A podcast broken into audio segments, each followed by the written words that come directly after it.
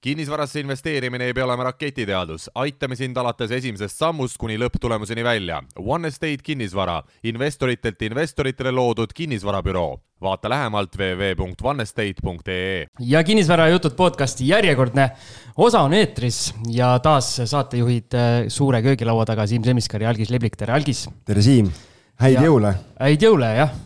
millal meil see saade eetrisse läheb see on kakskümmend kuus detsember. aa, no muidugi, siis, siis on soovid omal kohal, aga nagu aasta lõpus meil siin kombeks on saanud või aasta lõpus või aasta, uue aasta alguses, kuidas kunagi meil on olnud, oleme teinud vähe sellist nii-öelda sellise sissevaatamise eelmisesse aastasse ja ettevaatamise uude aastasse, et sellise numbrisaate ja taaskord meil on väga-väga targad mehed on stuudios neid numbreid meile ette kandmas, et isegi nii-öelda algisel on siin eh, suu lahti kindlasti.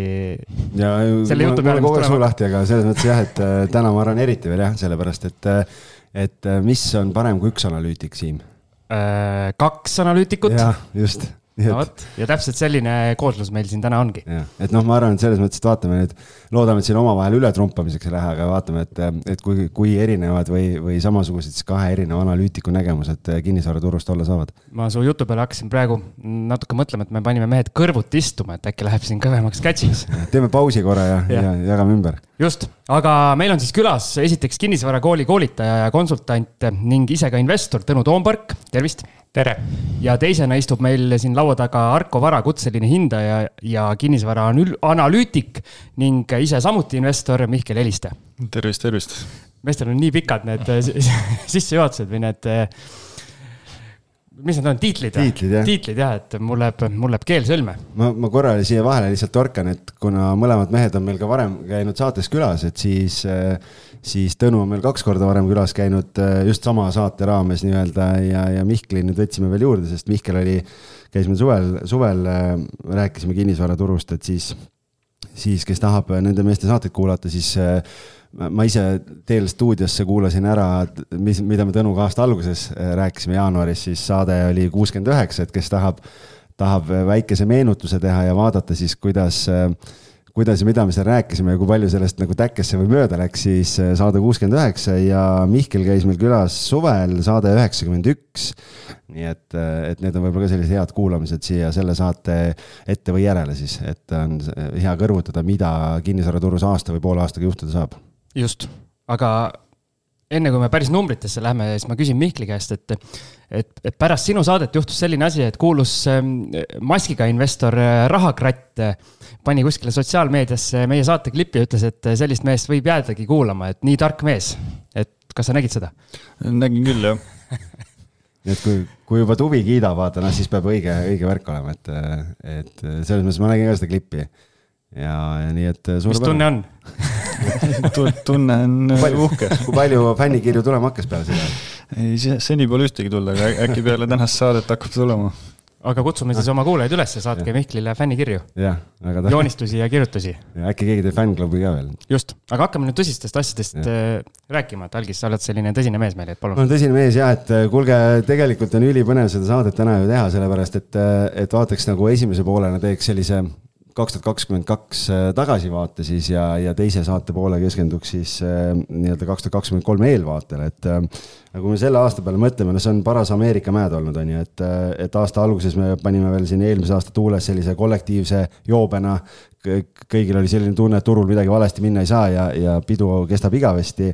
veebruaris hakkas sõda Ukrainas, mis keeras pea peale nii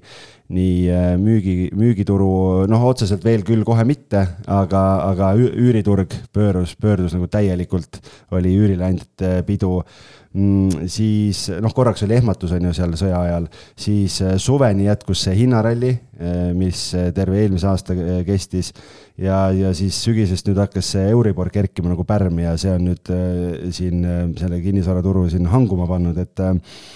võib-olla teile mõlemale sõna, et kuidas te ise selle hullumeelse aasta omalt poolt kokku võtaks?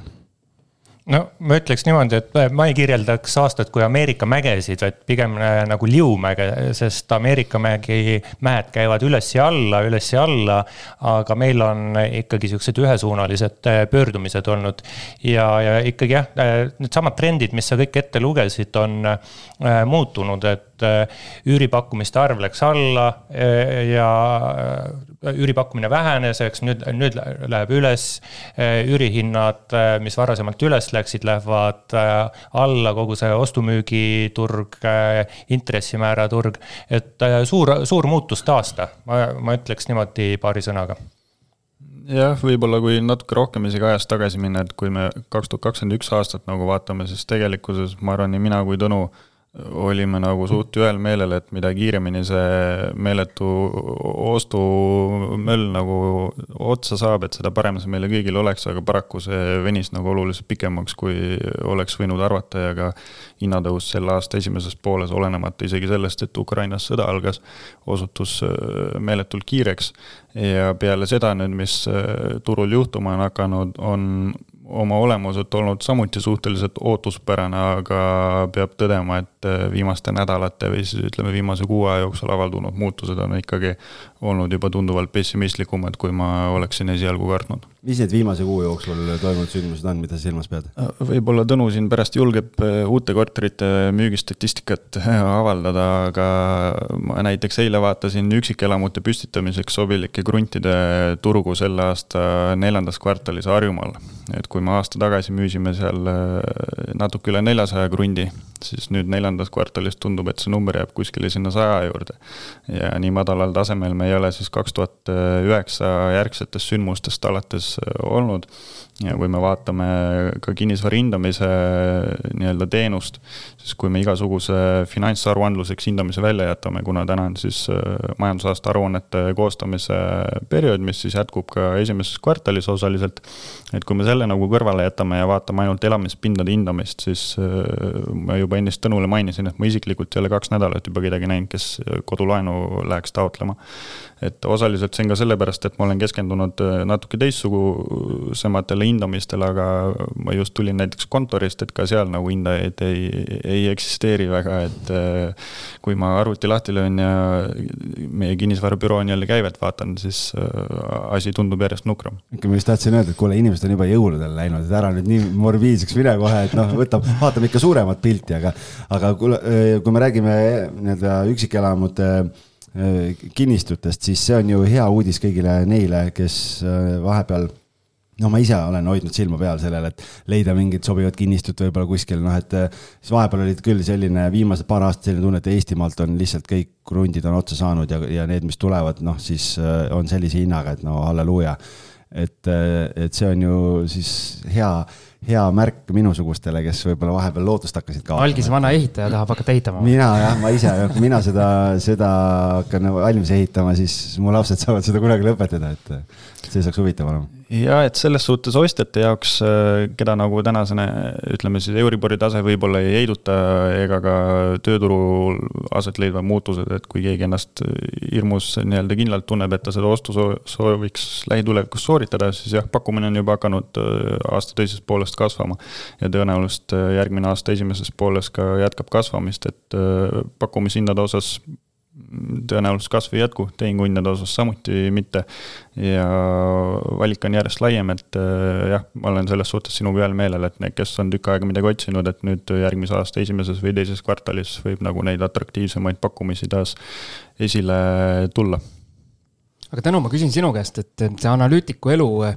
ei ole selles osas meelakkumine olnud viimased ajad, et on selliseid musti luiki välja ujunud päris palju, et see Covid oli, eks see on juba vist praeguseks unustatud ja siis tuli see Ukraina sõda, et. et selliste asjade valguses tuleb ilmselt nii-öelda üsna kiirelt kõik oma nii-öelda mõtted äh, ümber mõelda ja siis äh, ka välja öelda teistpidi hoopis. Äh, eks ole analüütiku töö kirjelduses sees, et analüütik väga veenvalt räägib, kuidas asjad toimuma hakkavad ja siis veel veenvamalt räägib seda, et miks asjad hoopis teistmoodi läksid, et jah, et turg on, turg on muutuseid täis ja ja, ja, ja minu meelest näiteks veel selle aasta poole peal see oli täiesti märgiline, et kui, kui meil kommertspangad teevad majandusprognoose kolm aastat ette, et jooksev aasta pluss siis järgmised kaks aastat, siis kaks tuhat kakskümmend neli aastat äh, ka kommertspangad ei julgenud veel äh, selle aasta esimeses pooles äh, prognoosida. täpselt, eks need ongi need teadmata tegurid ehk mustad luiged ja, ja, ja ongi niimoodi vaade tuleb järjest, järjest lühemaks, et prognoosime seda, et mis, mis siis järgmine kuu või kvartal toimub järgmise aasta lõpust rääkides juba läheb väga häguseks jutt me oleme siin oma saates natukene puudutanud ka, et mina käin piilumas sellises kohas nagu LHV Foorum, seal on üks kinnisvara teema. ja mulle tundub, et Tõnu on väikest viisi nii-öelda masohhist, et nii-öelda sina käid seal vahepeal nii-öelda nendele meestele vastu ka kirjutamas, et mis sul, mis sul arus on? no vahest, vahest tundub, et et, et on, on midagi asjalikku lisada ja ega Mihkel ka sellest patust ju prii pole, et LHV Foorumis vahest, vahest mõni sõna ka kaasa rääkida või, või kirjutada. ma ühe uusaasta eesmärgina panen omale kirja, et jõuda LHV Foorumisse, sest sellest on nii palju juttu olnud, ma pole sinna siiamaani jõudnud veel, nii et ma ei tea, millest te räägite. see on kohati päris nagu meelelahutuslik materjal. ma pean ennast nii-öelda järje peale aitama sellega. okei okay no jaa, kuulge, aga kui me nüüd mõtleme kõiki neid tegureid, millest me siin oleme rääkinud, ähm, äh, mis sellel aastal kõik juhtunud on, siis millised nendest nagu kõige, kõige sellise kestvama või suurema mõjuga on, et ähm, on see sõda või on see Euribor või, või mis, mis see kõige suurema kaaluga on täna? ma arvan, täna mis nagu selle turu hanguma on pannud, on tõenäoliselt siis äh, selgelt tarbija ebakindlus, mida on siis eeskätt äh, vedanud laenuraha kiire kallinemine ja kuna Euribor jätkab tõenäoliselt tõusmist järgmise aasta esimeses pooles, siis ma ei ole ka väga optimistlik äh, tehingute arvu nii-öelda võimaliku kasvutrendi osas siin äh, lähikuudel tänaselt tasemelt. et kui ma vaatan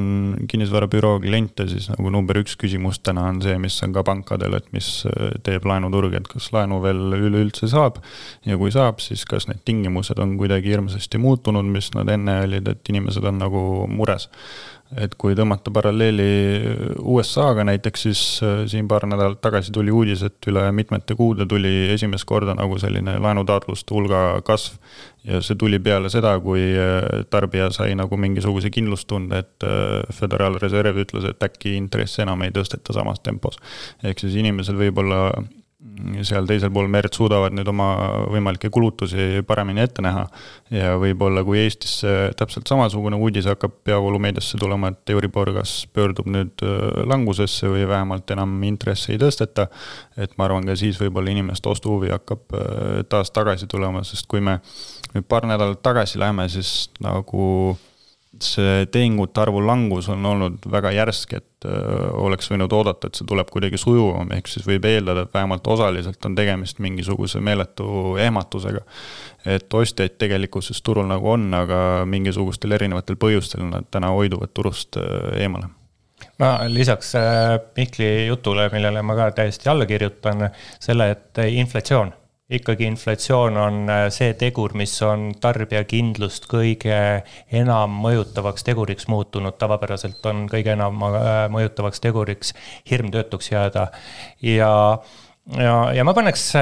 ma paneks nagu põhimõtte pärast, paneks sõja ikkagi esiplaanile, meil puudub vähimgi teadmine äh, sõja kestvuse osas, sõja ulatuse osas ja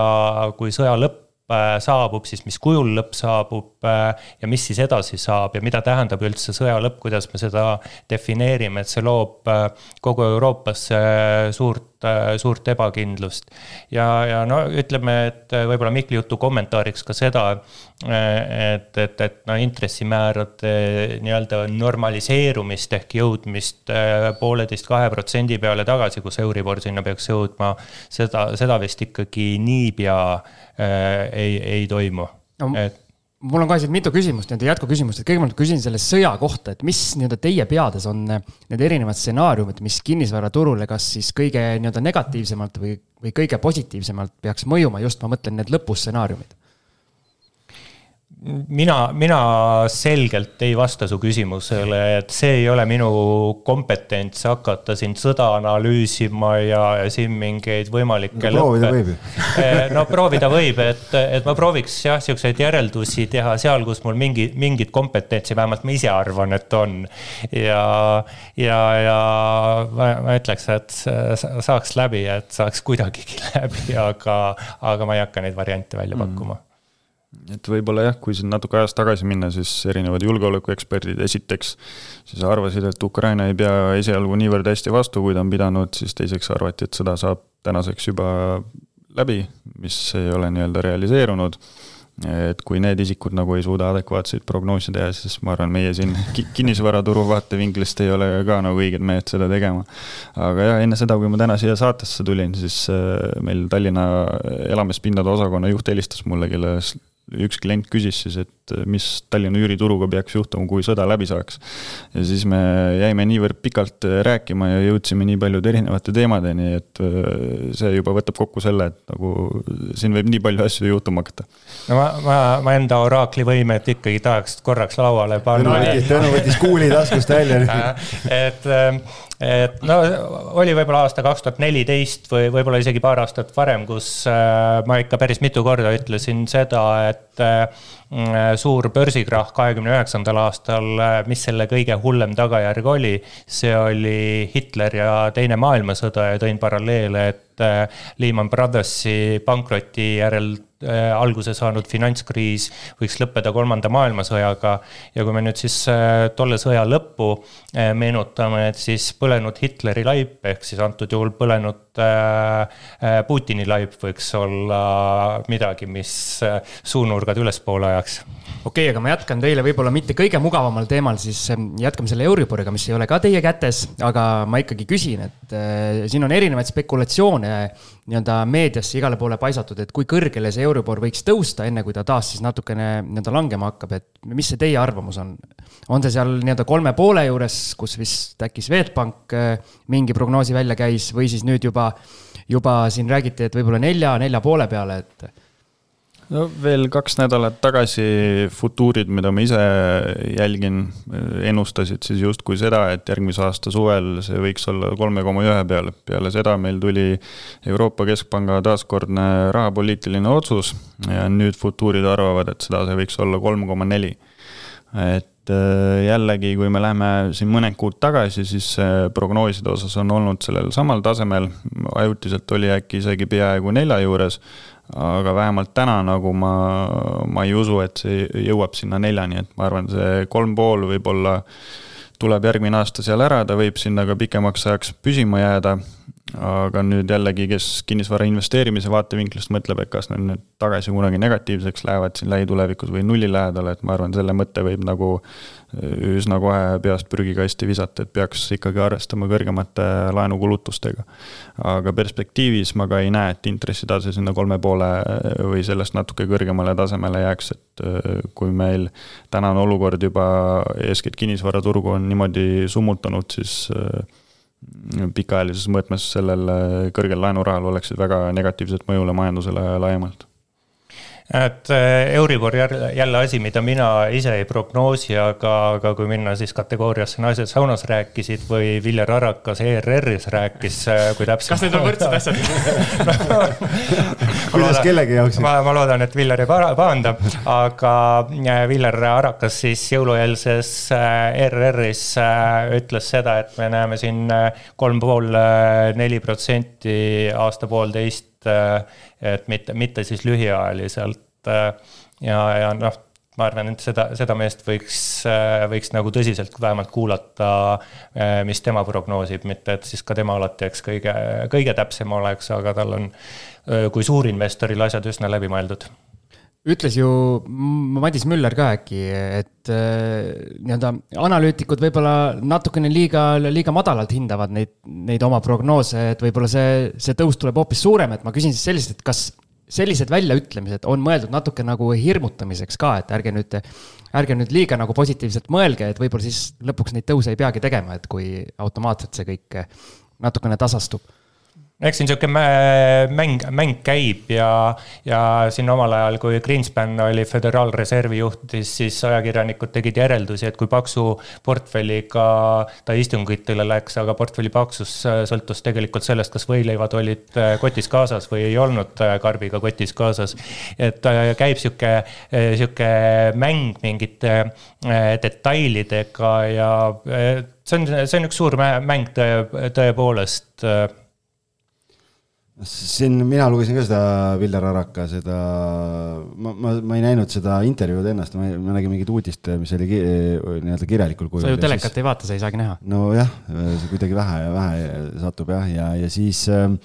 ta ütles ka seal, minu meelest oligi see, et noh, et, et kaksteist kuni kaheksateist kuud ja siis ta tõenäoliselt võiks hakata langema nagu, et aga ja nii palju, kui mina olen kuulnud või, või siin mingite pankade arvamusi ja asju, siis, siis öeldakse, et ega ta tõenäoliselt kui ta tuleb alla, siis ta tuleb sinna ühe koma viie, kahe peale ja, ja sinna ta võiks nagu jääda pikemalt püsima ja ma olen vist mingit SEB mingit graafikut isegi näinud, et kus oligi, nad ennustasidki järgmised, järgmised kümme aastat, mida täna muidu väga keegi ennustada ei taha, et see oligi seal kuskil kahe peal oli see Euribori selline südamelöök nii-öelda, tiksus seal natuke üles. eks, eks ta peaks olema Euroopa Liidu eesmärk inflatsiooni lähedal, mis on kaks protsenti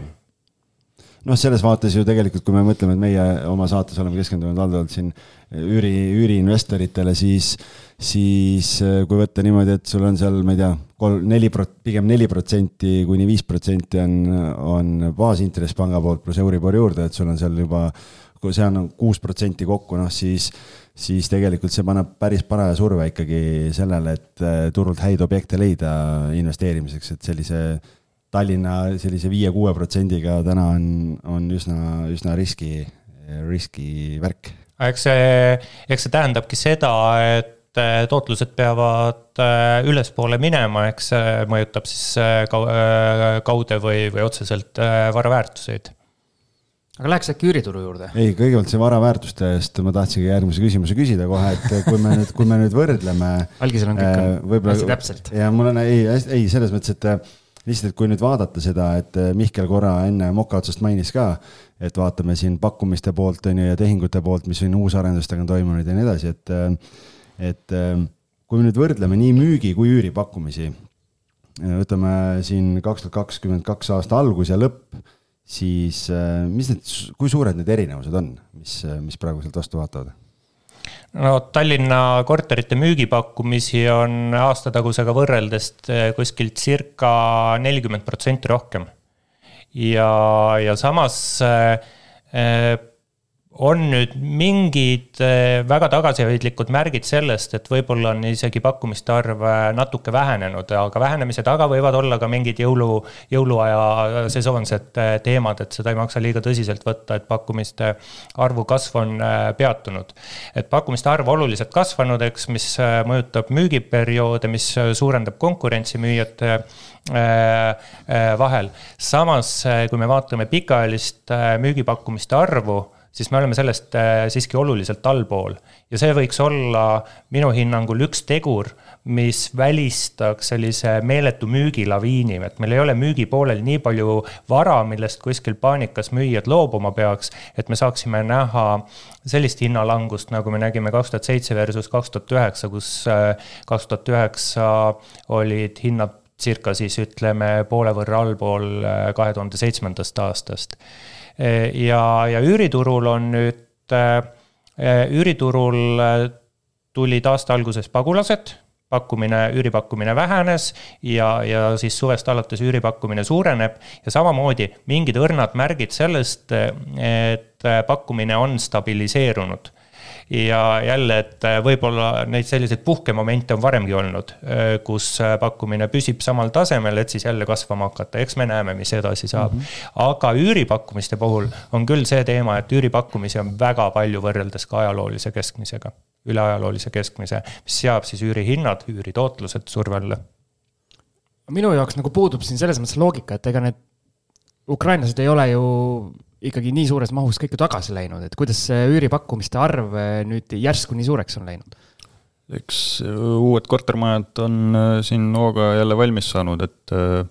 mul endalgi tuleb üheteistkümnendal jaanuaril üks asjaõigus, kus pean vastu võtma korteri, mis tuleb siis üürile anda. ehk siis näeme, kuidas see nii-öelda sujuma hakkab. kibedat nooti tunnen natuke su hääles. aga selles suhtes jah, ma olen olnud õnnelik, et äh, see korter esialgu pidi kolmekümnendal novembril valmis saama ja siis lükati edasi, et äh, see oli minu jaoks positiivne märk. positiivne oli ka see, et maamaks jääb äh, arendajale, mitte mulle aga selles suhtes jah, ma pigem võtaks selle korteri võib-olla isegi hetk hiljem vastu, aga pole midagi teha, et peab juba sisustamisele mõtlema hakkama aga ma arvan, minuga samasuguses olukorras on äh, väga paljud kinnisvarainvestorid. Ja see, et täna pakkumine kõrge on, äh, lisaks on ka veel kommunaalkulud suurenenud ja ka laenukulud on suurenenud, et selles suhtes need, kes selle aasta esimeses pooles ostsid äh, või broneerisid uue korteri, et see üürile anda ja tegid seda laenuga ja sealjuures maksimaalse võimaliku võimendustasemega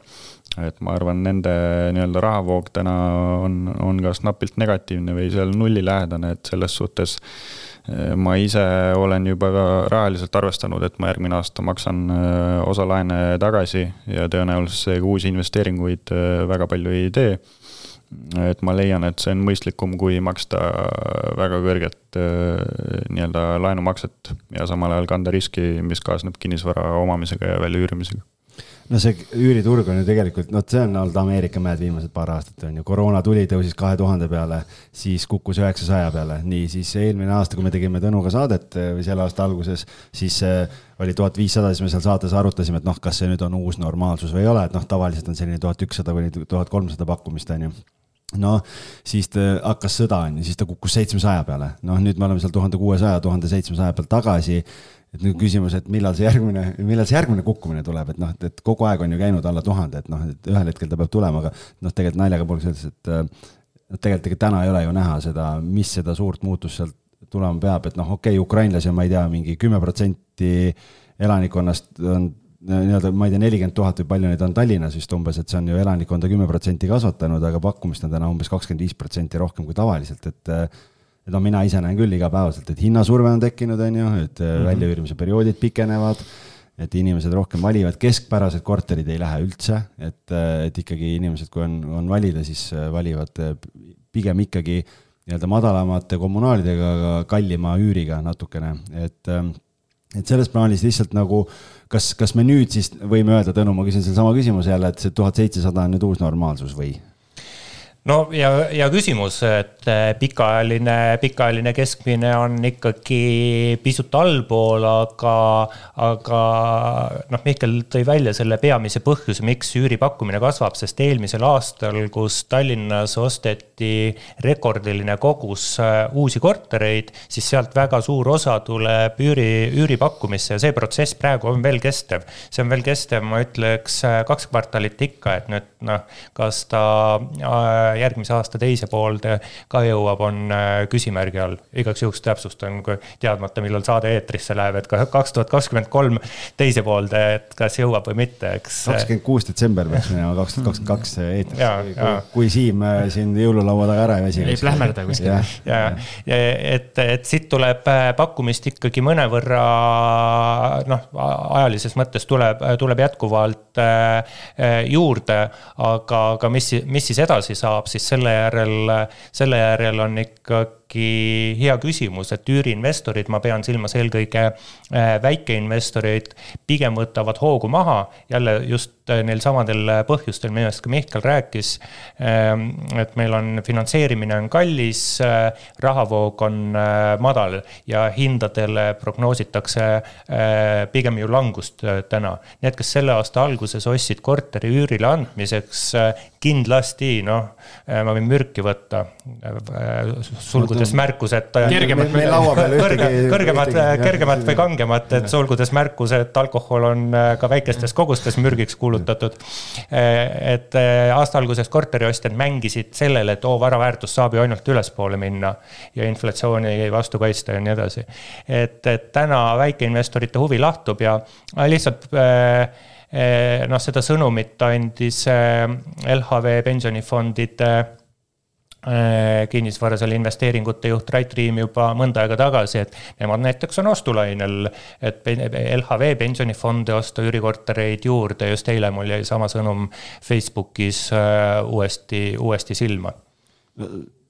kas siin võib olla see asi, et kui me mõtleme praegu nagu selle olukorra peale, nii, viimased kaks aastat on siin tohutu rahvussport käinud, on ju, et kõik hakkasid kinnisvarasse investeerima ja ostsid korterid kokku ja nii edasi. nüüd nad on tulnud üüriturule, nii.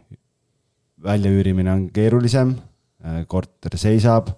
äh, kohustused on kaelas. kas võib ühel hetkel tekkida see koht, kus tänu sellele läheb hüppelisse kasvu äh, müügipakkumiste arv, sellepärast et need inimesed, kes nii-öelda diskole hiljaks jäid natukene vaatavad, et tegelikult peaks nagu korteri ära müüma, sellepärast et üürimine on keerulisem ja, ja kohustused enam ei kanna välja, et, et kui suur see mõju võib olla jah, jah. jah, ma arvan, osa kindlasti tuleb, et seda mõtet ma olen ise ka viimastel kuudel äh, mõlgutanud ja eks kindlasti väga suur hulk neid kortereid, mis eelmine aasta tegelikult äh, broneeriti uute korterite osas. ja kelle osas on tegemist kinnisvarainvestoritega, seega nad neid kõiki tegelikult ei plaaninudki üürile anda, väga suur hulk neist oligi mõeldud pelgalt edasimüümiseks. et seesama hoone näiteks, kuhu äh, ma ise nüüd jaanuaris selle korteri ostan, seal mul on üks klient, kes ostis äh, kolmteist äh, ühikut kokku. nüüd ta on äh, osa neist juba kätte saanud, osa saab lähinädalatel et tal esialgu ei olnud mitte ühtegi korterit plaanis üürile anda, tal oli plaanis kõik need edasi müüa, aga täna me oleme sattunud olukorda, kus äh, noh, ei ole lihtsalt ostjat võtta või sa pead hinnas allapoole tulema. ja samas selle rahaga, mis sealt vabaneks, äh, kui jutt käib nüüd juba seitsmekohalistest numbritest, sellega ei ole ka nagu mitte midagi teha, et äh, võid ju börsile minna, samas seal on ka täna nagu ebakindel ja kui sa ei ole veel börsiinvesteeringutega nagu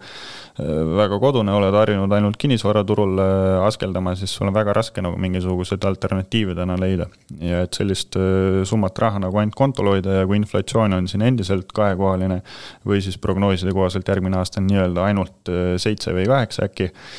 et see ei ole ka nagu väga hea Ainult. lahendus, et, et ma siiski näen, et nad üritavad neid äh, üürile anda, üürihindades on juba allapoole tuldud, paljud helistavad mulle, küsivad, et kuidas olukord tundub, et kas nagu peaks siiski müüma või mitte et ma arvan, et väga paljud on sellisel ebakindlal positsioonil ja see võib veel siin pikemat aega jätkuda. aga kindlasti suur hulk neist korteritest, mis on täna mõeldud üürile andmiseks, tuleb lähitulevikus müügipakkumiste sekka. Äh, lisaks, et, äh, et võib-olla üks suurem trend, mida me näeme, on äh, üüriportfellide kontsentreerumine mõningane, et äh, suuremaid äh, portfelle ongi siuksed LHV-sugused või eks Eftengi tegelikult pole ju seda ust kinni pannud, et investeeringuid äh, teha muu, noh, muuhulgas just elamispindadest rääkides. et, et suuri portfelle kasvatada ja suurt raha paigutada, see on üks teema ja, ja olemasolevat mingit ka väikest portfelli kasvatada on üks teema ja teine teema on teha täiesti uus investeering. ehk siin, siin võiks mõningane kontsentreerumine toimuda, mingid äh, mängijad äh, puksitakse turult välja jah, et ma võib-olla tooks siia ka selle, et kui võttagi need fondid näiteks, eeskätt pensionifondid, et neil täna ju raha on suures osas äh, oluliselt odavam, kui on keskmisel nii-öelda isikul, kes ühe korteri turult ostab. et see annab täna neile selge eelise ka varade kokkuostuks, kui peaks tulema mingisugune väga tugev hinnalangus. et me nägime seda nii Lehman Brothersi kollapsi järgselt kui ka eelnevatel nii-öelda majanduslikult rasketel perioodidel, et äh, pangad tulevad ise nii-öelda olukorda päästma, et küll siin eelmine kord Swedbank, Swedbank tegi oma Hectorneti, mis teadupoolest siis neid justkui atraktiivseid, aga probleemseid varasid hakkas kokku ostma ja pank muutus ise kinnisvarainvestoriks, et täna tõenäoliselt samamoodi ei lähe, aga aga odava raha nii-öelda ligipääsuga ettevõtetel on selge eelis sellises turusituatsioonis aga ma küsin esiteks sellise küsimuse, et millal või, või mis hetkele see, see nii-öelda päris hinnatipp siis langes, oli see kuskil suvel? No kui me vaatame Tallinna korterite keskmisi hindu, siis need on alates äh, maist kuni novembrini olnud vahemikus kaks tuhat üheksasada kuni kolm tuhat eurot ruudust. ja, ja see on siis äh, seitse kuud et ehk meil ei ole sihukest punkti, et, et minnes nüüd veel korra LHV Foorumi juurde, et seal mul on tunne, et üks tegelane äh, proovib umbes kellaaega, kuupäeva ja kellaaega selgeks teha, millal kinnisvaraturu hinnatipp on. aga, aga kui ma küsiks teilt, et äh, detsembri äh, tehingute hinnad, nüüd mina vaatasin neid kakskümmend üks detsembri seisuga, mis te arvate, kas on siis vara, varasemast kõrgemal või madalamal?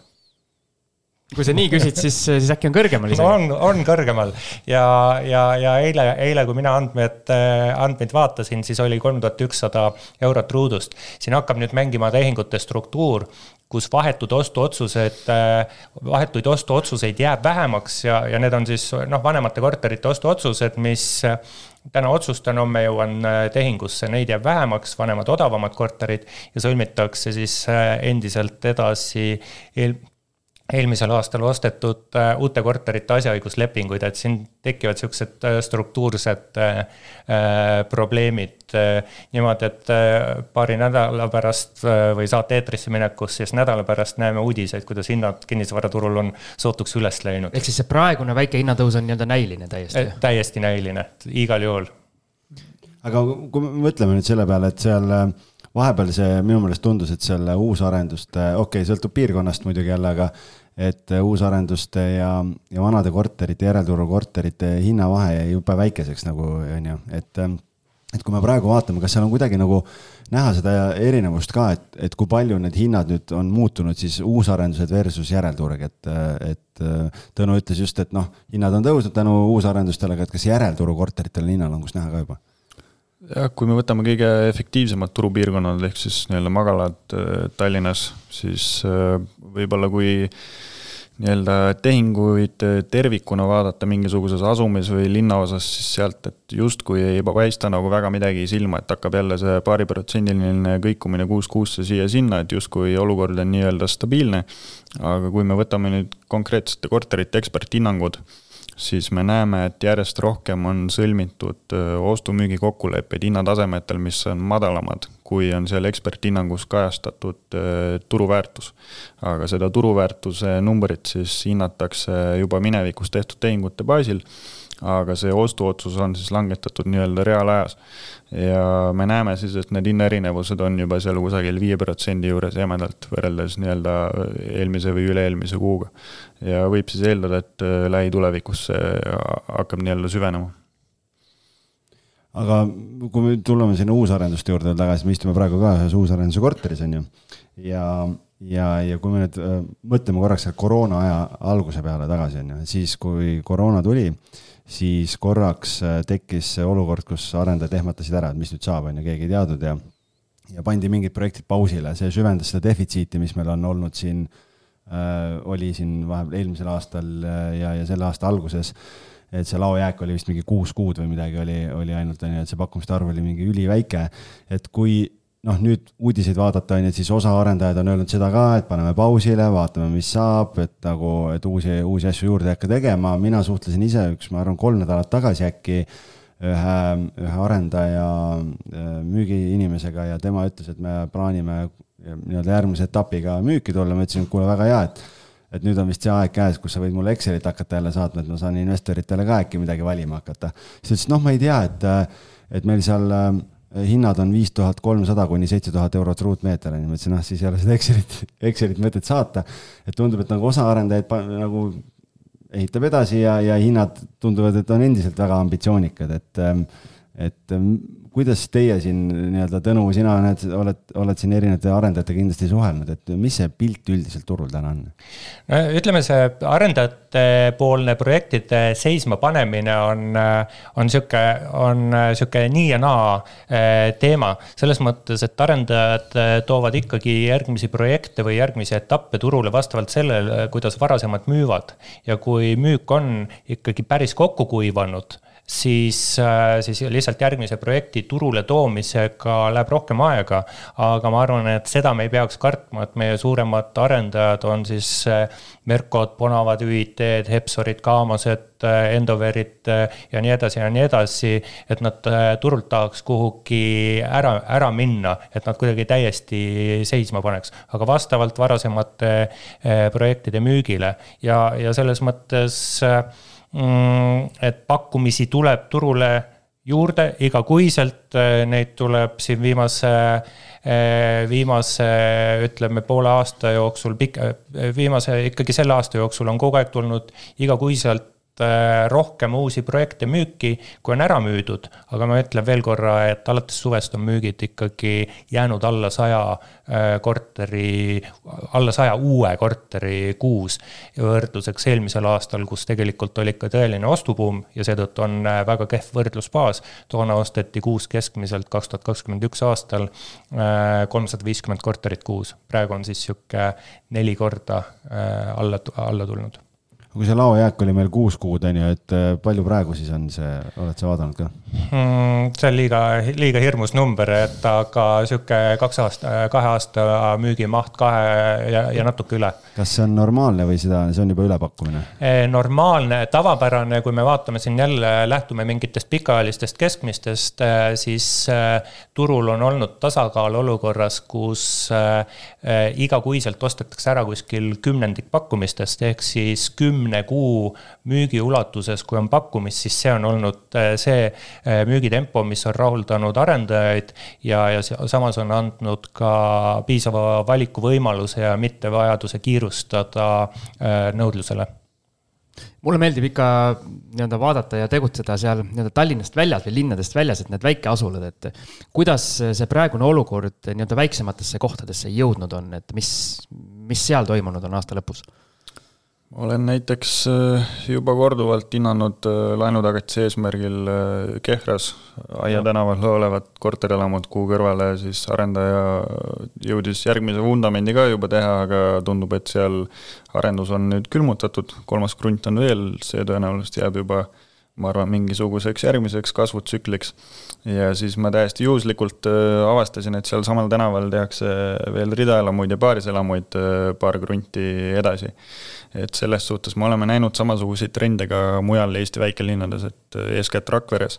et äh, kui meil aastaid äh, Rakveres sisuliselt uut pakkumist peale ei tulnud, siis viimase kahe aasta jooksul on seal juba nii palju uut uusi nii-öelda arendusprojekte tulnud, et ma vahepeal ei jõudnud neid nagu kokku lugeda juba, et mingisugused läksid meelest ära. et see selgelt tõmbab nagu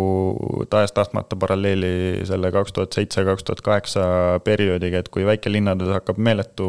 ehitusbuum pihta uute korterite osas, siis tõenäoliselt nagu turul on, on hapu ja siiamaani see indikaator on nagu pidanud.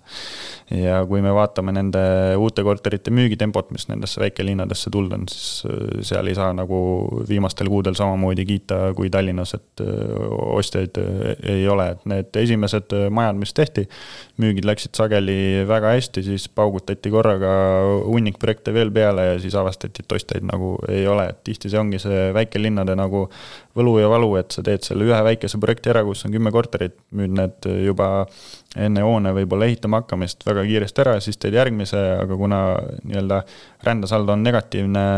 elanikke juurde ei tule, iive on ka negatiivne, rahvastik pidevalt vananeb, et selles suhtes nagu eh, sõltumata majandustsüklist sa võid väga kiiresti luua ülepakkumise sellises väikeses keskkonnas. Aga võtame konkreetselt selle Kehra, seesama arendus, millest sa rääkisid, on nii-öelda paistab minu sellest ühe üürikorteri aknast kenasti nii-öelda kätte, et kas see on siis paratamatu, et sinna väikelinnadesse jõuavad eh, need arendused juba sel hetkel, kui see asi on tegelikult üle kuumenenud ja need eh, nii-öelda kannatavadki need väiksed kohad, kes nii-öelda, kus jäävad need objektid ja, ja projektid pooleli ja on see nii? ja siiamaani Eesti kinnisvaraturu ajaloos see paraku kipub nõnda olema ja ma arvan, põhjus on eeskätt eh, ehitussektori olemuses, et ehitamine maksab igal pool sama palju mõnes kohas vahel isegi rohkem, kui rääkida väikelinnadest, sest seal piirkonnas ei pruugi olla selliseid ehitusettevõtteid, kes sellisele ehitustegevusele võib-olla on spetsialiseerunud ja nad võib-olla peavad tulema hoopis kuskilt kaugemalt. võib-olla ei ole ka mingisugust ehitustehnilist äh, tehnikat, rääkides mingitest kõrgetest kraanadest või millestki, mida seal piirkonnas üldiselt tõenäoliselt ei ole vaja muuks ehitustegevuseks. aga kui laias laastus öelda, et ehitamine igal pool maksab sama palju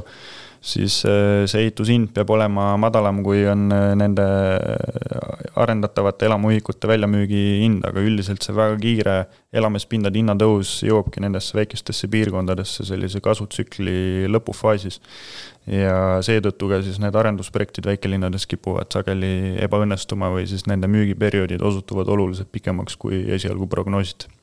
aga on mul siis põhjust nii-öelda seal kehral silma peal hoida, et äkki hakkab midagi sealt päris hea hinnaga varsti, varsti turule tilkuma? ega ma ei, ma ei oska niimoodi lubada, aga, aga seal on täpselt samasugused trendid olnud nagu Tallinnas, et kui esialgu see hoone pidi juba selle aasta lõpuks valmis olema, siis pidi olema kevadeks valmis, nüüd juba räägitakse järgmise aasta lõpust, et ma arvan, see on otseses suhtes äh, nende korterite äh, väljamüügiga, et kui arendaja ikkagi näeb, et müük ei lähe sellises tempos, nagu esialgu prognoositi, siis ei ole ka põhimõtteliselt mõtet seda hoonet valmis ehitada, sest seeläbi sa suurendad oma tegevuskulusid. sa pead selle hoone osas nii-öelda hoolt kandma hakkama. aga täna nagu ma ei näe veel, et arendaja oleks hinnakirja korrigeerinud, et kui viimast kuud kuud vaadata, siis kui ma peast ei eksi, siis hindu on seal äh, enamike korterite osas tõstetud ja kui me vaatame täna ka eksperthinnanguid, et kui keegi tahaks sinna uut korterit osta, siis äh, väga paljude korterite osas meil ei tule isegi paberi peal täna numbrid välja. ehk siis äh, arendaja soov äh, kasumit teenida on täna võib-olla, et natuke liiga suur kinnisvaraäris, eks mis määrab kinnisvara väärtuse, mis määrab kinnisvaraturu aktiivsuse, et kolm kõige tähtsamat tegurit nüüd kõik mõtlevad, mis need tegurid on pingsalt, aga ma ei hakka neid välja ütlema. keegi ei tea neid. ja, ja, ja, ja eks me, et nüüd Mihkli, Mihkel tõi minu meelest väga hästi välja selle majandustsükli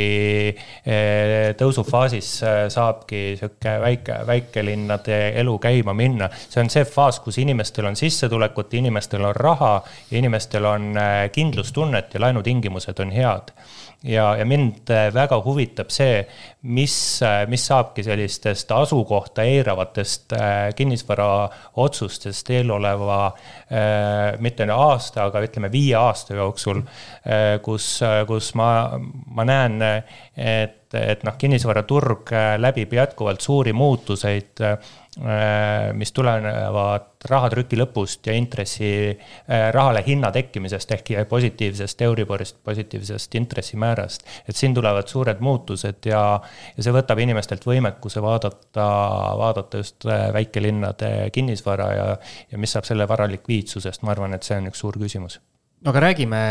nende väikelinnadest ja järelturust, et kas järelturg käib nagu nende nii-öelda arenduste taktis siis või, või mis seal toimub? Tead, selles suhtes. nii me, raske küsimus. kui me seda pakkumist vaatame, siis need väikelinnad kipuvad olema viimasel ajal nagu jube diferentseeritud omavahel, et kui me sedasama Kehrat vaatame, siis viimane kord mulle tundus, et seal ei ole nagu järelturul pakkumine suurenenud, mis sest, et müügitempo on äh, alla läinud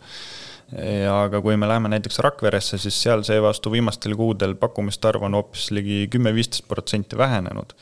et äh, selles suhtes nagu neid on väga raske äh, nagu ühetaoliselt kogu aeg äh, vaadata, et kui me vaatame mingeid muid väikelinnasid, siis äh, me seal näeme näiteks pakkumiste arvu tõusu, mis tundub realistlikum tänases turukeskkonnas. aga üldiselt nende väikelinnadega kipubki olema see, et kui Tallinnas juba on nagu hapuks läinud, siis nendes väikestes linnades võib veel see turg püsida aktiivne ootuspärasest kauem, eeskätt elamuturul, et kui ma siin üks päev vaatasin näiteks Järvamaa üksikelamute turgu, siis selle aasta teises pooles tehingute arv on täpselt sama, mis aasta aega tagasi või selle aasta esimeses pooles, mis tähendab seda, et seal nagu järelikult on olnud mingisugused muud tegurid, miks need inimesed on neid ostuotsuseid endiselt siiski langetanud. jällegi, kui me kinnisvaraturgu vaatame sektorite või segmentide lõikes, siis elamuturg üldiselt kipub aktiivsuselt hakkama hiljem ära kukkuma kui korteriturg korteriturg, aga jällegi, kui me tuleme seekord nii-öelda Harjumaale, siis me elamuturul nägime seda enne, kui me nägime korteriturul. et nagu nende piirkondade vahel on, on mingisugused väga olulised erinevused tihti ja mis täna näiteks ka elamuturgu puudutab, siis see, et seal aktiivsus on näiteks Järvamaal püsinud kõrgem, oodatus kauem, selle taga on tõenäoliselt demograafilised tegurid, et kus mõned aastad tagasi veel me nägime, et need laulva revolutsiooni perioodil sündinud isikud ostsid nii-öelda hirmsasti kortereid, mis oli ka selle kasvutsükli nii-öelda suureks ajendiks, siis nüüd me oleme näinud, et nad siirduvad korteriturult hoopis elamute turule, mis lõi seal nii-öelda tugeva nõudluse kasvu. Minul oli just hiljuti võimalus siin käia Sakus, et, et selline tore võimalus tekkis, et Kodud rahaks saatesse kutsuti mind kutsuti külla ja, ja siis ma vaatasin Saku turgu, noh, Sakus on ka ju seal äh, uusarendusi viimase viie aasta jooksul üks, üks päris korralik mhm. arendus seal äh, Uusmäe äh, piirkond ja, ja mis sinna on tekkinud, et vaatasin nii müügiturgu kui üüriturgu. ja minu meelest ikkagi, kas on Kehra või Saku või, või noh, et ega seal nagu kõikides nendes piirkondades ikka sama mure, et tegelikult ega seda üüripakkumist on ülivähe igal pool. ja kui me praegu räägime nagu selles kontekstis, et siin mingid arendused võib-olla jäävad toppama ja, ja, ja sealt võib-olla seda pakkumist ka nagu juurde ei tule ja nii edasi, siis mulle tundub, et noh, et nii-öelda väikeste asulate üüriinvestorite jaoks see praegune keerulisem olukord võib-olla ei olegi nii morbiidne või nukker ja sellepärast, et lihtsalt äh, nad on sellises kohas, kus kus äh, lihtsalt äh, nõudlust on ja, ja pakkumist väga ei ole. ja hinnatase on ka madalam. Äh, nojah, jah, et selles mõttes, et, et ma ei tea, et selles mõttes, Mihkel, kui palju sa oled nende väiksemate piirkondade üüriturgu vaadanud, et, et mulle tundub, et tegelikult seal ilmselt me räägime Tallinna kontekstis selgest ülepakkumisest, aga väikestes kohtades seda muret ju tegelikult pole jaa, see vastab tõele, kui me vaatame täna atraktiivsemaid väikelinnu, on see Kuressaare, Haapsalu, Rakvere või ka Viljandi, et siis üüripakkumine on pidevalt madal. Et seal lühiajalise majutuse turg sageli väga hästi ei toimi või kui sa tahad, et see hästi toimiks, siis sa pead ikkagi mingisuguse mega eksklusiivse elamispinnaga turule tulema, kuhu kas siis need siseturistid või välisturistid tahaksid tulla. ja tihti see nii-öelda kõrghooaeg piirdub mingisuguste suursündmustega, et kas Rakveres on ööjooks või Viljandis on mingisugune kultuuriline suvine suursündmus, et äh, ülejäänud perioodid kipuvad olema nagu suhteliselt rahulikud ja seetõttu enamus investoreid on otsustanud püsida ainult nii-öelda pikaajalisel üüriturul. ja väikelinnade osas see üüripakkumise nii-öelda ülepakkumise risk on väga väike ka seetõttu, et seal enamus kortereid on ostetud ainult omakapitali baasilt, kuna enamus nii-öelda kommertspanku ei taha sinna investoritele laenu anda või siis seda pakutakse tingimustel, mis ei ole sobilik. ehk siis intressimäär on liiga kõrge. ja seetõttu tehakse siis ainult nii-öelda omavahenditest neid projekte ja kui ka nende turuväärtus peaks vähenema või vakants on oodatust nii-öelda pikem, siis neil puudub nagu selline müügisurve või, või surve nii-öelda likviidseid vahendeid äh, luua. Siim lihtsalt jäi, jäi tasa, et nii ta, palju tarka juttu tuli, et ei, ei, kohe ei saanud aru. ei, mulle sobib, mulle sobib. kuule, kas, kas teeme väikse pausi ka vahele või, või on sul veel kaks, siin küsida praegu midagi, et? Äh, me võime pausi teha. teeme jah, et laseme meestel korra hinge tõmmata ja siis. ja kuulame kõlli. jah. just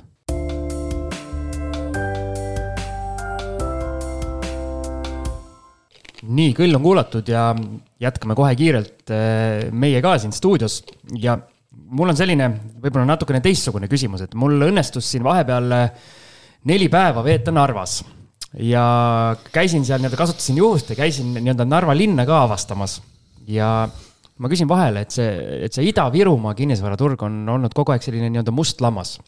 ja üks asi, mis ma olen tähele pannud, et näiteks Kiviõli ja sellistes kohtades hästi palju on tulnud selliseid noh, täiesti räämas odavkorterid oksjonitele, et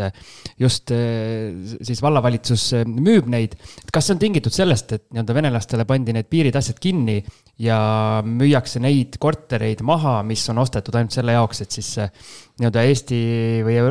Euroopa Liidu sissepääs nii-öelda saada või ma ei tea, kuidas see juriidiliselt korrektne ennast väljendada on. ja kui ma ei eksi, siis see protsess juriidiliselt võtab päris kaua aega, et see korter nii-öelda ära võtta ja ühistud on tõepoolest Ida-Virumaal sellega nüüd oluliselt rohkem jännis peale neid äh, sanktsioone, mis on rakendatud. aga üldplaanis ma ei näe, et nagu nende täitemenetluste eesmärkide raames midagi Ida-Virumaal oleks oluliselt muutunud, et seal me isegi näeme olukordi, kus endiselt lahendatakse kaks tuhat üheksa järgselt nii-öelda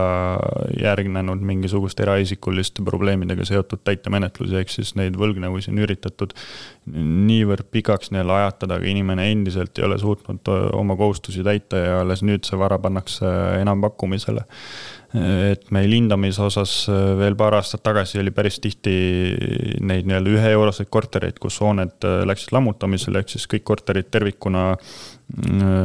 anti kohalikule omavalitsusele kas vabatahtlikult või sunniviisiliselt üle ja siis isikud, kes seal hoones endiselt elasid, nad said mingisuguse alternatiivse elamispinna sinnasamma administratiivüksusesse. et äh, osaliselt seda tehakse seal lihtsalt äh, kulutuste optimeerimise näol, et kui sul on hoone, kus võib-olla vakants on seitsekümmend protsenti, siis ei ole ju mõtet seda kaugküttega kütta, et lihtsam oleks need inimesed majutada kuskile väiksemasse hoonesse või siis täita suuremad hooned suurema hulga inimestega. Et seal number üks põhjus ikkagi on on väljaränne ja selle nii-öelda probleemid on siis omakorda eeskätt tööturuga seotud. aga võib-olla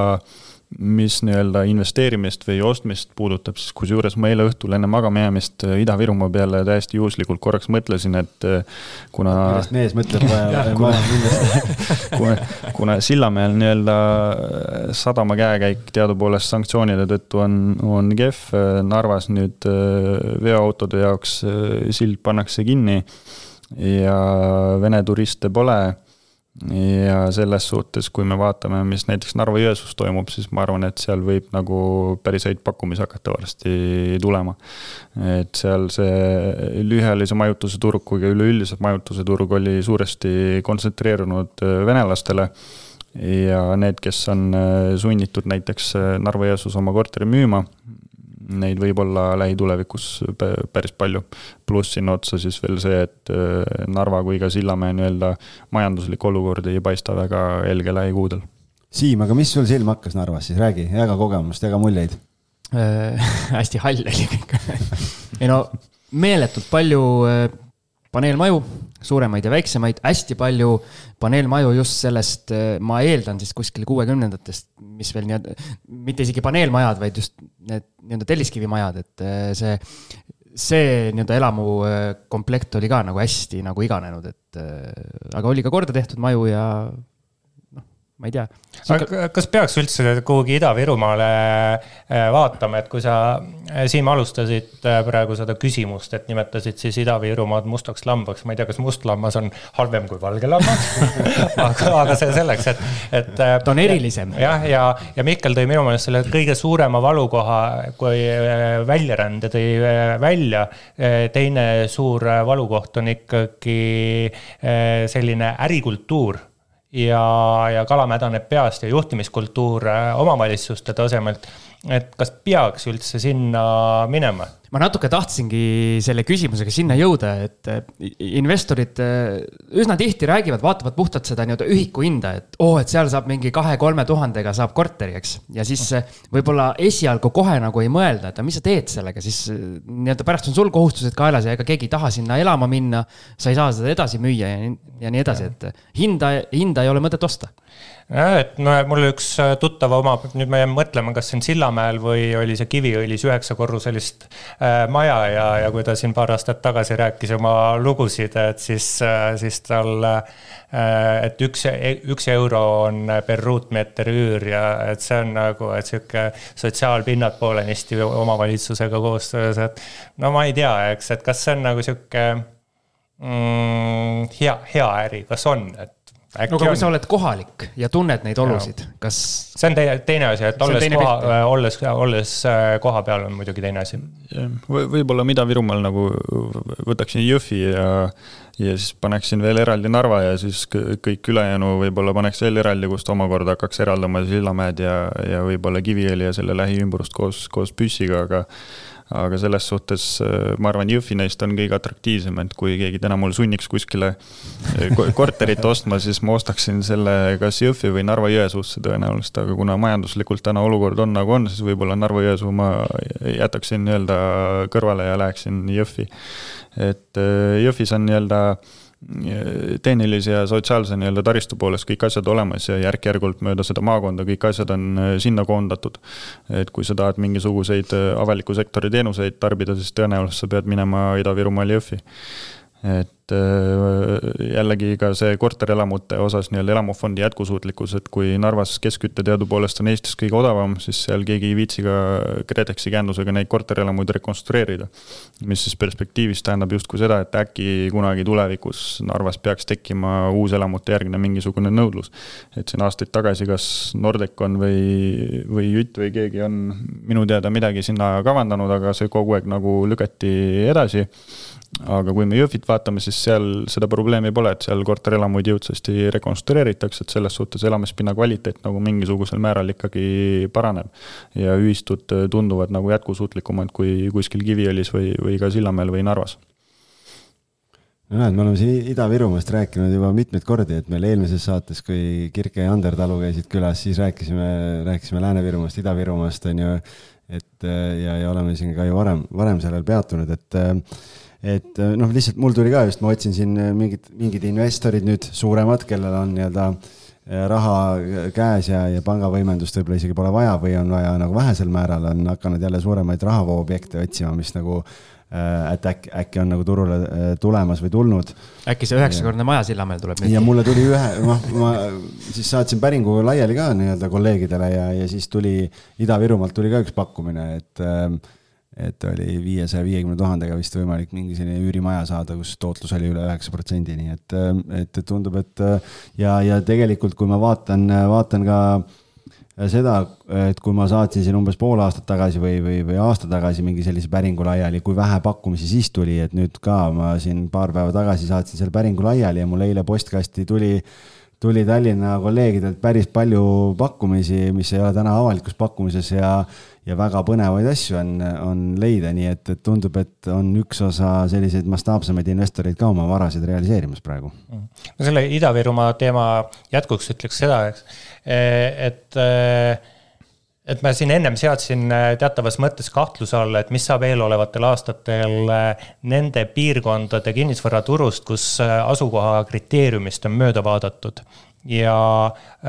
kui nõudlus läheb ära ehk väljaränne Ida-Virumaalt, siis, äh, siis kas see on asukoha kriteeriumist möödavaatamine, et võib-olla mingi rahavooline tootlus on hea, aga kui me paneme investeeringule alguse ja lõpupunkti ja lõpp, äh, lõpp-punkt tähendab varas, äh, vara müümist, investeeringust väljumist täielikult, siis kas likviidsus sel hetkel on turul olemas, et ma arvan, et see on üks sihuke suur küsimärk. aga, aga muidugi peab arvestama, et minu suu läbi kõneleb arrogantne pealinlane, et noh, kes on väga piiratud vaate, vaate väljaga. kes äh, toimetab Kristiines natuke, natuke laiemalt, natuke laiemalt, ka kesklinnas. Teil on laia, haared laiendanud. kesklinna äkki tuleme sealt Narvast nüüd ära ja võtame need pendlid välja ja me oleme küll nii-öelda tulevikku vaikselt juba vaadanud igas teemas, aga mina küsin teilt sellise küsimuse, mis paneb kindlasti teie analüütikuvõimed maksimaalselt proovile, et mis on nüüd selle uue aasta järgmine must luik, mis meile kohale ujub no must luik definitsiooni järgi on tegur, mida me ei tea. noh, aga analüütik võiks ju teada äh, mustad lambad, mustad luigel, Siimul on täna väga mustad toonid kõik, et. et äh, noh, ma, ma arvaks, et, äh, et kui mõtleks, et kust võiks mingi pauk tulla kas positiivses mõttes või, või negatiivses mõttes ja kartes, et negatiivses mõttes, siis pilk ida suunas, Kremli suunas et idast pole kunagi midagi head tulnud peale päikse.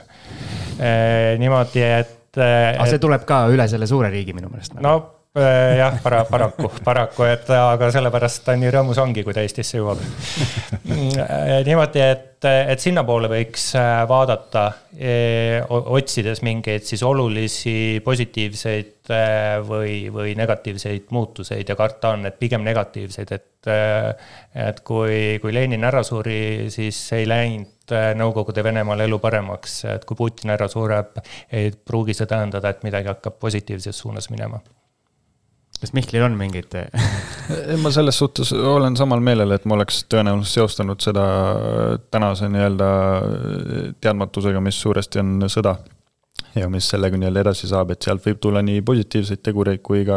negatiivseid ja kuna me seda ei tea, siis me sellises teadmatuses nii-öelda elamegi ja see tänast turusituatsiooni suuresti ilmestabki.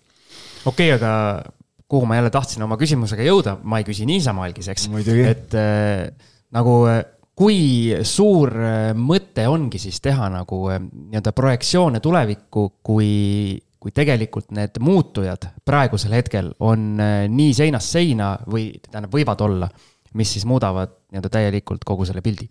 No kindlasti, kindlasti on mõtet, mina analüütikuna olen defineerinud, et mis mu tööülesanne on, on äh, avaldada tänane parim teadmine ja, ja, ja, ja, ja rumal on arvata, et see ongi mingi lõplik äh, tõde et.... nojah, aga kui sa selle eetrisse paiskad ja siis lähed LHV Foorumit lugema, siis sa saad ju kogu aeg vastu pükse, et näed, sa kolm kuud tagasi ütlesid niimoodi ja läks hoopis teistmoodi. no ee jah, ja, ja on nii juhtunud, et äh, läheb äh, sellest muidugi keegi LHV Foorumis ei kiida, et kui lähevadki asjad nii, nagu Tomberg ütles. seda teavad kõik ju, selles mõttes, et. Äh, see oli ette näha ju. aga see käib, see käib töökirjeldusega kaasas, nii et seda tuleb aktsepteerida. mis sa, Mihkel, arvad, et on mõtet teha ikkagi? Ei no tahes-tahtmata peab tegema, ega muud midagi üle ei jää, aga selles suhtes täna on jah, nagu väga keeruline midagi ennustada, et kui me kinnisvarateenuste osas nagu käivet üritame prognoosida, et kui siin paar kuud tagasi veel oli suhteliselt lihtne, et palju tuleb vahendusteenusest tõenäoliselt raha, palju tuleb hindamisteenusest raha, siis täna me nagu juba jaanuariks on, on keeruline öelda, rääkimata veebruarist või järgmise aasta teisest kvartalist, et me, me lihtsalt elamegi teadmatuses, üritame neid prognoosperioode viia oluliselt lühemaks ja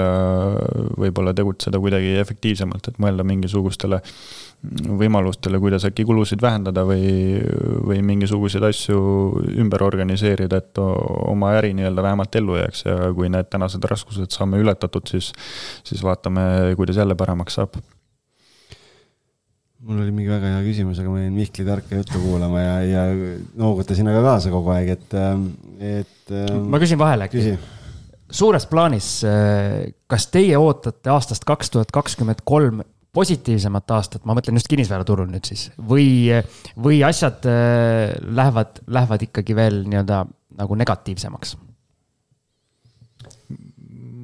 selles suhtes, kui me räägime tehingute arvust või, või ka hinnatasemetest, siis ma pigem olen selle negatiivsema poole peal, et et tehingute arv tõenäoliselt äh, langeb pikaajalisest keskmisest äh, peatselt allapoole ja ma arvan, et see paneb äh, kinnisvarabürood suuresti raskusesse, kuna kõik on harjunud viimaste aastatega, kus nii hindamisteenuse kui ka vahendusteenuse järgine nõudlus on väga kõrge ja marginaalid on olnud väga head aga tõenäoliselt meil tuleb peatselt selles sektoris äh, deflatsiooniline keskkond, kus teenustasud hakkavad nõudluse alanemise tõttu allapoole tulema. Ja tegelikkuses me oleme seda näiteks hindamisteenuse lõikes ka juba viimase kuue aja vältel näinud, kuigi keegi äh, hinnakirju veel otseselt kodulehel korrigeerima pole hakanud. Ja ka selles suhtes ma arvan, et see on, on nii-öelda süvenev trend eeskätt järgmise aasta esimeses äh, pooles ma äh,, Mikli jutuga ma olen nõus ja, ja ma arvan, et et see on hästi oluline, et tehingute arv tuleb äh, pikaajaliselt tuleb allapoole, aga ma siiski äh, käiks selle välja positiivses äh, võtmes. ja, ja, ja just seeläbi, et meil on äh, muutused languse suunas saanud alguse, ma räägin siin hindadest, tarbijakindlusest, meeleolu, et need on saanud alguse sellel aastal. Ja ma tahaks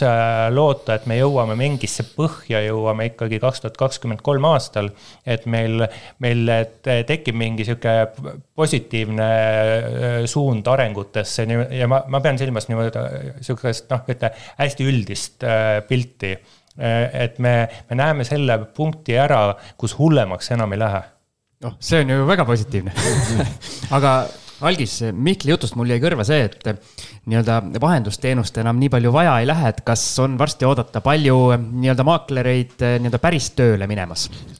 Ma, ma võib-olla täpsustaks selles osas, et kuna, kuna pakkumise tuleb juurde ja müük nii-öelda kukub ära, siis, siis justkui nõudlus vahendusteenuse järgi teoreetiliselt peaks kasvama. Okay. aga ma mõtlesin sel ajal nagu nii-öelda käivet, mis päriselt realiseeritakse ka, et sul võib ju, kui täna siin keskmiselt portfell võib-olla meil makleritel oli seal, ma ei tea, viisteist, kakskümmend, võib-olla mõnel isikul rohkem objekte, siis isegi kui sa nüüd selle saja peale nagu kütad, siis ma arvan, et sa samasugust käivet enam ei tee nagu eelmine aasta, sest sa võib-olla jooksed rohkem ringi ja fotokal võib-olla aku on iga päev tühi, aga tegelikkuses nagu mingisugust raha sa ei genereeri. ja siis peabki päris tööle minema ju algis ei, selles mõttes, et äh, ma olen, äh, ma olen Mihkliga selle koha pealt äh, nagu täiesti päri, et ega, et see nõudlus täna on näha, noh, vahepeal ju kaks aastat oli omanikud, see tunne oli, et noh, mis, mis maaklerit siin vaja, et panen kuulutuse üles ja joostakse pikali ja tehakse veel ülepakkumisi ka, on ju. ja jäi veel ka maakleritele müüa ju. noh, just, et noh, nüüd on see, kus inimesed äh, ei saa enam ise hakkama, nüüd tuleb uuesti need nii-öelda professionaalsed oskused mängu ja, ja, ja väga tugevalt tulevad mängu selleks, et selle kasvava pakkumise keskkonnas äh, oleks siis võimalik realiseerida võimalikult kõrge hinnaga neid asju, et selles mõttes ma ütlen nii, et äh, minu ja minu arvates on praegu ikkagi töökatele maakleritele väga hea aeg. Selles mõttes, et kes tahab, saab väga tugevalt oma, oma nii-öelda kanda kinnitada turul. Ja tegelikult, kes järgmised paar aastat nii-öelda ellu jääb ja, ja edukalt toimetab, sellel on rock n roll nagu pärast seda, kui, kui nii-öelda nokk üles läheb jälle. Aga mis puudutab seda päris tööd, on ju, noh, siis muidugi, eks need müügimehed on alati need soolapuhujad, on ju, et et aga ma arvan just, et pigem need inimesed, kes on mõelnud, et kas alustada maakleritööga või mitte, siis ma arvan, et tegelikult ähm, kõlab võib-olla küüniliselt, aga ma arvan, et paremat aega alustamiseks kui praegu ei ole, sellepärast et äh, tegelikult raskel ajal saab äh, korraliku vundamendi laduda ja sealt edasi nagu toimetada, et äh, et selles plaanis on nagu, ma arvan, kõik, kõik hästi ja noh, ja loomulikult meie ettevõtte kontekstis meil on väga suur üürile orienteeritus, et ma arvan, et selles osas noh, näha on ju, et tööpõld on väga suur ja, ja meil nagu selles osas nagu muret ei ole. mida ma enne tahtsin, tahtsin küsida, oli see, et kui me nüüd mõtleme kogu selle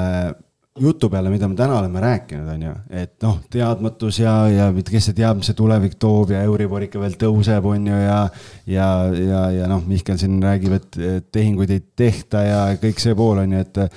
kui nüüd noh, meid kuulavad kinnisvarainvestorid on ju, mida siis meie kuulaja nüüd tegema peaks kaks tuhat kakskümmend kolm, et äh, istuma äh,, ootama, ostma, tegema pakkumisi, mis te soovitate? kui ma ennast nii-öelda investori vaatevinklist vaatan, siis saate alguse poole juba mainisin, et ma plaanin nii-öelda võimendust äh, vähendada. aga see ei tähenda nagu, et ma lihtsalt äh, muus osas nagu istuks, et ma täna olen selles suhtes ostu poolel, aga ma ei ole nõus ostma võib-olla selliseid varasid, mida ma olin enne nõus ostma ja täna ma olen võib-olla otsimas. Uugamets enam ei lähe või, sorry, mis, mis see koht oli see? Vahakulmu. Vahakulmu, jah Vahakulm oli tõusutsükli punkt minu jaoks. et äh, esimene detsember oli tehing ära ja lõime kasumi lukku ja saime varast lahti, et ma arvan, et kui see veel äh, jaanuaris-veebruaris käes oleks, siis oleks olukord juba palju hullem tõenäoliselt, et äh, ma hakkasin pakkumishinda langetama enne, kui turg jõudis seda teha, kuna mulle tundus juba ettevaatavalt, et olukord läheb oluliselt halvemaks, kui, kui esialgu sai prognoosida. aga selles suhtes täna jah, neid nii-öelda Uugametsa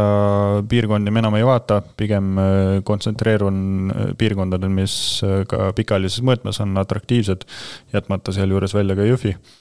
et äh, aga ma ei ole neid varasid nõus turutasemel hinnaga ostma ja kui ma mingisuguseid flipi projekte täna kavandan, siis ma finantsprojektsioonides arvestan juba võimaliku kahekümneprotsendilise hinnalangusega, mis sest, et ma oma turuülevaadetes sellist äh, taset ei prognoosi täna. et hetkeseisuga ma arvan, et me ei näe üle viieteistprotsendilist hinnalangust järelturul enamikes Eesti piirkondades. aga ma siiski Excelis arvestan, et see võib realiseeruda ja sealt võib ka natuke rohkem tulla mina, mina ütleks seda, et äh, investor peaks äh, järgi mõtlema, et kas teda saatnud edu on nüüd tingitud sellest, et ta on ise väga tark ja ilus ja osav või on see olnud äh, selline kaheteist aasta pikkune tõusutsükkel, mis on tegelikult äh, kasumi koju toonud. kõik vead ära lappinud. no mina tean vastust enda puhul, mul on see teine variant. ja, ja, ja, ja eks, et ja kas, kas nüüd on võimekus ka muutuvates oludes hakkama saada, et mis on investori konkurentsieelis teiste investorite ees. et kui, kui meil siin ongi kaksteist aastat olnud konkurentsieelis see, et on olnud julgus riske võtta, siis see on andnud võidu. et see olukord on muutumises ja ma siit küsiks veel ühe, ühe jätkuküsimuse siinsama laua taga Jaak Roosaare, kui me tema nii-öelda uue aasta või siis nii-öelda tuleviku perspektiivi palusime välja öelda, siis tema arvas, et mingis või mingil langushetkel on seda nii-öelda investorite vaba kapitali nii palju vastas, et sellist suurt langust, nagu me nägime seal eelmise suure krahhi ajal, et sellist mitte kuidagi oodata ei ole, et kas te nagu nõustute selle vaatega või ei nõustu mina, mina igal juhul nõustun äh, ja, ja põhjus, äh, põhjus võib-olla mina, mina ei paneks isegi investorite kapitali siin esiplaanile. Äh, meil kaks tuhat seitse aasta kinnisvaraturg oli noh tõeliselt üle kuumenenud ja, ja ma ei väsi rõhutamas seda, et kinnisvaraturu kokkukukkumine kaks tuhat seitse aastal, kaks tuhat kaheksa aastal iseenda raskuse all juba käis äh, enne, kui sügisel finantskriis pihta hakkas. ja finantskriis äh, võimendas kõiki neid asju, mis oli väga hapuks äh, lastud. et ma, ma ütleks, et ainuüksi see on põhjus, miks meil taolist, taolist hinnalangust ei saa tulla, kui just jätame tagaukse lahti, kui just, eks kuskilt ei tule mingi must luik, äh, mis on äärmiselt negatiivse mõjuga. aga sellist kapitali, mis ootab justkui nii-öelda suu lahti, et magav hiir, ei, magav, magav investor ootab, et hiir talle suhu jookseks, et seda on? Äh, iga, igal juhul Eesti inimesed äh, on ju oluliselt rikkamaks saanud, äh, Eesti ettevõtted, siin suured ettevõtted ostavad väliskapitalilt ettevõtteid Eestisse tagasi, et, et igal juhul. see on ju väga hea positiivne millega saaks isegi saate lõpetada äkki algis. võib-olla tõmbamegi joone alla siia, et. või on teil kummalgi midagi veel lõpetuseks öelda meie kuulajatele, kellest ma arvan, suur osa on on investorid? mina ütleks küll, head uut aastat. ahah ma soovin esmalt häid jõule ja, ja siis head uut aastat ja kuule ja, ja mina ühineme. siis, ja, ja ühineme ja ma soovin ühe asja veel, mida ei ole soovitud, head vana aasta lõppu ka. just, head vana aasta lõppu ka jah, ja, ja meil tegelikult järgmisel nädalal äh, ilmub saade, mis on ammu juba lindistatud, mis on siis uh, uue aasta saade. me pidust, pidasime pidustused ära juba jah ja,, et, et siin lõime klaasi kokku ja kõike nii, et, et tuleb selline meeleolukas uus aasta algus. just, aitäh tarkadele meestele ja aitäh, et leidsite aega, et see, selle aja leidmine siia tänaseks, et, et mehed saaks koos laua taha istuda, oli ülimalt keeruline, aga, aga näed, hakkama saime. just ja suur tänu kuulajatele ja olge tugevad. tšau. tšau. nägemist